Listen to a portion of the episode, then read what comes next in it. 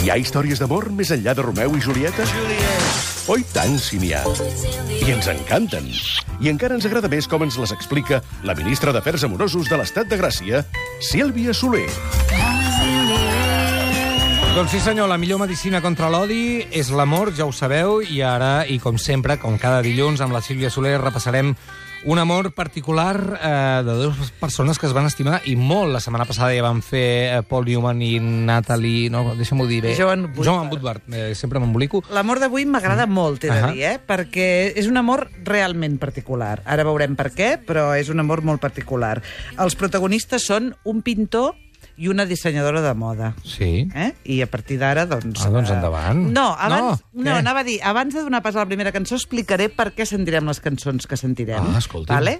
Perquè el, pro- Disjockey Sílvia. el protagonista de- d'aquest amor particular, ell, hem dit que era un pintor, no qualsevol pintor, Sí. el gran, gran, gran Gustav Klim. Sí. I estic segura que tots vosaltres, per poc que sapigueu de Gustav Klim, eh, recordeu El un petó, quadre... Molt el bé. petó. Mm. Molt bé, doncs per això sentirem Pan avui unes quantes cançons que ens parlen de. Bésame. Bésame mucho. Como si fuera esta noche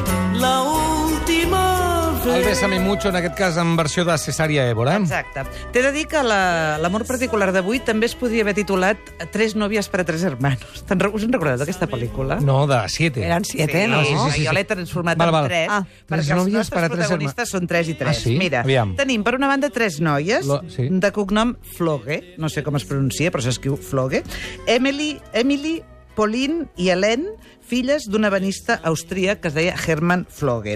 Totes tres els agradava molt cosir, estaven molt interessades pel món de la moda. Emily, sobretot, era una noia molt espavilada, molt avançada al seu temps, que va començar a intentar conèixer la, la feina que feien en aquella època Coco Chanel i Christian Dior, sí. que són dos grans noms de la moda, i mm, podríem dir que totes tres eren això que ara en diem dissenyadores de moda, que aleshores encara no en deien així, en deien modistes, no?, o Sí, costureres, costureres. i, i cosien. Uh, la germana d'Emily, Helen, es va casar amb un noi que es deia Ernst Klim. Sí. Aquest Klim uh, tenia dos germans, per això et dic que eren Jo no- tres veus? noies per una banda i tres nois per una altra. Aquella cosa tonta de, qu- que penses que tota la gent no té germans, la gent famosa, no? Clint no devia ser un home sol. Pues no, tenia dos germans. Dos germans que també eren artistes. Ah, sí? Un, Ernst, aquest que es va casar amb la Helen, era... Um, com se'n diu d'això? Em Gravava or. Sí. Eh, un artista que es dedicava a gravar or, que és la feina que ja feia el seu pare. Val. I l'altre germà, George, també tenia vocació artística i Gustav no cal que ho diguem, diguéssim, no? Per tant, tenim eh, Helen i Ernst Klim casats i eh, Emily i Pauline, que són les dues germanes d'ella, i George i Gustav, que són els dos germans d'ell. Eh, per tant, la coneixença entre Emily Floge i Gustav Klim és aquesta, Sí. és que els germans estaven casats, per dir-ho així. El que passa que... Que ja és curiós, eh? Que els dos germans Sí. es casin amb dos germans. No, els, els Gust, uh, Gustav i, i Emily no estan casats. no, no, no moment, però els eh? altres dos sí. Ah, no, tampoc. Ah, tampoc. Uns. Hi ha un matrimoni. Ah, només un. Ah, vale, Hi ha un pensava que ja matrimoni. s'havien casat tots. Helen i Ernst Klim, un matrimoni. I els altres dos, Emily i Gustav, que es van conèixer, van simpatitzar molt perquè tots dos els interessava molt la cosa de l'estètica, diguéssim, eh, però hi havia una gran diferència d'edat, perquè ell tenia 29 anys i ella només en tenia 17. Però ell, Gustav Klim, eh, era un pintor, ja et dic, 29 anys, era un home fet i dret, però va veure que aquella noia tan joveneta tenia un gust molt especial per vestir, Sí. sí. una manera molt original de vestir, i tenia un gust molt especial per, per dissenyar. I mm, ella anava vestida amb unes túniques que segur que recordareu d'alguns dels quadres de Klim, i Klim la va voler pintar. Per tant, el primer contacte entre ells dos és aquest, que ell vol fer un retrat d'Emily Ja Flogue. estem, estem igual. Posa't aquí, que et pinto, i després ja veurem què passa. I lo que surja. Trec la brotxa. L'aigua roba gessamí. Crec que la brotxa ha estat un... Amb la veu de la Maria del Mar Bonet tan dolça per aquí darrere. Trec la brotxa. Ai, ai, ai, ai, ai, calla. Cançó del bes sense por. Cada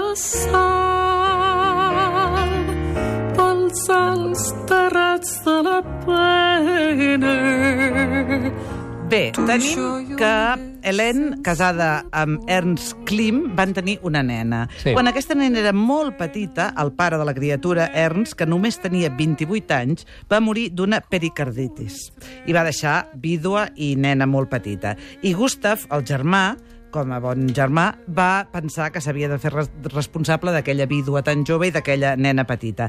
Per tant, va establir una relació molt intensa amb la família Floge i fins i tot passaven tots els estius junts en una casa que tenien als Alps austríacs. Ah, als Alps austríacs. Per tant, Klim i Emily, que havien simpatitzat molt, ja van tenir una relació pràcticament de família. Què passava? Passava que Klim eh, viatjava molt, era un home molt, molt inquiet. I, mm, a més a més, era un home atractiu. Si busqueu fotografies de Klim, mm, n'heu de buscar unes quantes, perquè n'hi ha algunes que, que si ara jo dic que és atractiu em direu, on vas a parar? Mm. Però no, hi ha algunes que sí que es veu que era atractiu, eh? Vull dir, de Val, veritat, val, tenia val, una val. mirada molt penetrant, en fi, molt, molt guapo. I tenia moltes amants. Però eh, mai s'oblidava de la jove Emily. Vull dir, ella, ells continuaven tenint una relació especial. Li enviava postals des de tots els llocs que visitava.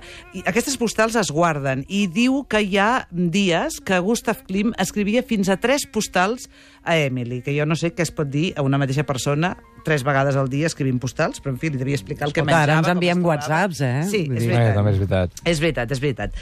El cas és que eh, Emily començava a ser coneguda en el món de, de la moda i tots dos eh, parlaven molt d'estètica i de, de disseny i es van fer molt amics. Dejaré mi tierra por ti, dejaré mis campos y me iré lejos de aquí. Cruzaré llorando el jardín y con tus recuerdos partiré lejos de aquí. De día viviré pensando. Bueno, i quan es faran el petó? El petó, un beso i una flor. Aquesta cançó és de Nino Bravo, Sí. però en versió Fito Paez. T'agrada aquesta versió? M'encanta. Aviam? Ah, em sap greu aquesta cançó. No, la cançó versió, la versió. m'encanta. També. Mi camino me voy, pero te juro que mañana volveré.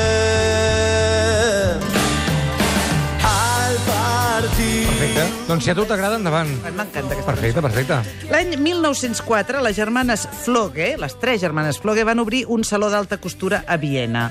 Klim les va assessorar per, per la manera com havien de decorar el saló i fins i tot va dissenyar el logotip de la firma del saló Germanes Floge. Va ser un èxit impressionant. I va passar que les mateixes dones de l'alta societat vienesa que es vestien al saló de les germanes Floge eren retratades després per Klim. Ah, o oiga, al revés. Con un vestidito... O al els- revés. O sigui, Klim, eh, les dones de l'alta societat li deien a Klim, fes-me Sí. un retrat, sisplau, i ell les enviava al saló de Quin les germanes. business, no?, que tenien, mano a ho tenien, mano. ho tenien ben organitzat. Hem de dir que Emily Floge era una dona molt moderna perquè era partidària d'una moda alliberadora per la dona. És a dir, fora cotilles, estem parlant 1904, Sí, sí, eh, sí, començament sí, sí, sí. del, de segle. Fora cotilles i mirinyacs, els vestits eren amples i folgats per donar llibertat de moviments i molta comoditat a la dona. Si busquem fotografies de Gustav Klim eh, quan està pintant, pintava amb una túnica, com una Sí. mena de sac. Sí, sí, sí, diguéssim, no? sí, sí, acabo Per veure les tant, fotografies, Vull sí, dir sí. que, que realment, en aquest sentit, tots dos eh, estaven d'acord. Moltes dames vieneses, doncs, eren retratades per Gustav Klim vestint, vestint models De dissenyats les per, per l'Em- eh, Floge. L'any 1906, eh, tots dos, Klim i Emily, van protagonitzar una eh, memorable sessió fotogràfica. Ell feia fotografies i Emily era la model. Els entesos diuen que allò va ser la primera sessió fotogràfica de moda de la història, el que passa que en aquell moment, insisteixo, no en dèiem així. Eh? Klim va pintar Emily, a part de fotografiar-la, la va pintar en quatre ocasions. Un bellissimo spreco di tempo, un'impresa impossibile. L'invenzione di un sogno, una vita in un giorno, una tenda al di là della duna. Un pianeta in un sasso, l'infinito in un passo, un riflesso di sole sull'onda di un fiume. Sono tornate le lucciole a Roma, nei parchi del centro l'estate profuma. Una mamma, un amante. Però bueno, quan diu alguna del petó aquest? Ara, ara. Vinga, Giovanotti. Busqueu, si plau, busqueu el vídeo d'aquesta cançó al YouTube. Un quaderno di appunti, una casa, un aereo che vola. Baciami ancora, Vés amb, encara. baciami ancora. Tu tutto il resto è un rumore lontano, una Ai, em Una fas un petó i m'oblido una de tot. festa a la Toscana, amb tot d'amics dinant, amb una taula, amb unes tovalles de quadrets vermells i blancs. Sí. Dir, què més Ah, de la per vida? favor, calla, calla. Voglio cantant. stare con te, E la brossa. Però bueno, escolta'm, eh, per- ja porten molts anys aquests dos, que Sí. si jo et fotografio, que si jo et pinto, que si jo et faig un vestit, i no s'han enrotllat encara. Mira... És la història d'amor més lenta de la història no, o què? No, no, no, no, és la història d'amor mm, amb més incògnites de la història. T'ho he dit en començar. A veure. O sigui, en realitat no hi ha dades concretes que confirmin que Emily i Gustav van ser amants. Vaya por Dios. A veure, tenint en compte que ell era un... un Tarambana, un tarambana. mujeriego, que es deia en Un castellà. tarambana, un Un frescales. famaller, un famaller. Cavaller, molt bé, i que van ser amics tota la vida, doncs per què no, diguéssim, no? La pregunta seria per què no? Però les coses és que no ho sabem del cert, però a mi m'encanta, perquè van ser molt amics i es van estimar molt. Ell va tenir moltes dones, algunes de les quals es van quedar embarassades, vull dir que ja et dic que era un home eh, amb una, una intensa vida amorosa. Sí. Però amb la Emily no, no en No. tenim constància. Bueno. Eh? Um, L'any 1918, Klim va tenir un vessament cerebral eh, que el va deixar mig paralitzat. Mhm. I quan estava realment fumut, no et diré al llit de mort, però quasi, a qui va eh, anar a poder veure? A l'Emily. Clar, això m'encanta a mi, perquè vol dir que s'estimaven molt. Ella la, el va anar a Vol dir veure... que estava molt sol, eh? Mm, però li va demanar algú que anés a buscar l'Emily, per tant, Ah, algú hi havia allà. Uh, al cap d'uns dies que realment va fer una, rec- una, una recaiguda, diguéssim, i ja agonitzava, l'únic nom que va pronunciar va ser el de Emily. Per Ja, tant, que sabem que s'estimaven molt. Que bonic. Els romàntics insinuen que ells dos serien l'home i la dona que hi ha en el quadre del bes, però tampoc en tenim constància, diguéssim. Eh?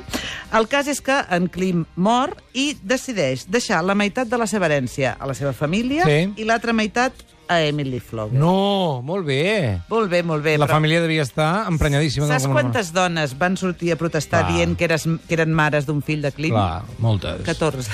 Totes, I tot de nens amb pintats d'or, perquè tot ho pintava d'or, ell. Exacte. Amb la brotxa. eh, que a mi deia també ell. em toca alguna cosa de l'herència. Però no, la meitat va ser per la família Klim i l'altra meitat va ser per l'Emily.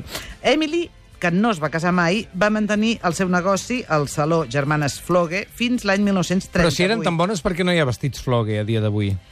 Perquè, ara t'ho explico, l'any Ah. 38, amb la invasió d'Àustria, Ah, coi. el negoci se'n va anar a Norris, com és natural, Val, val, val. i, i va, van, van haver de tancar.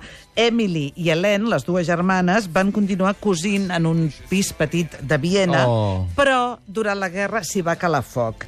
En aquell incendi no només es va destruir i cremar l'última col·lecció de vestits dissenyats per Emily, sinó que hi va perdre molts dels objectes de valor de l'herència que li havia deixat Gustav Klimt. Ah, nena, quina història!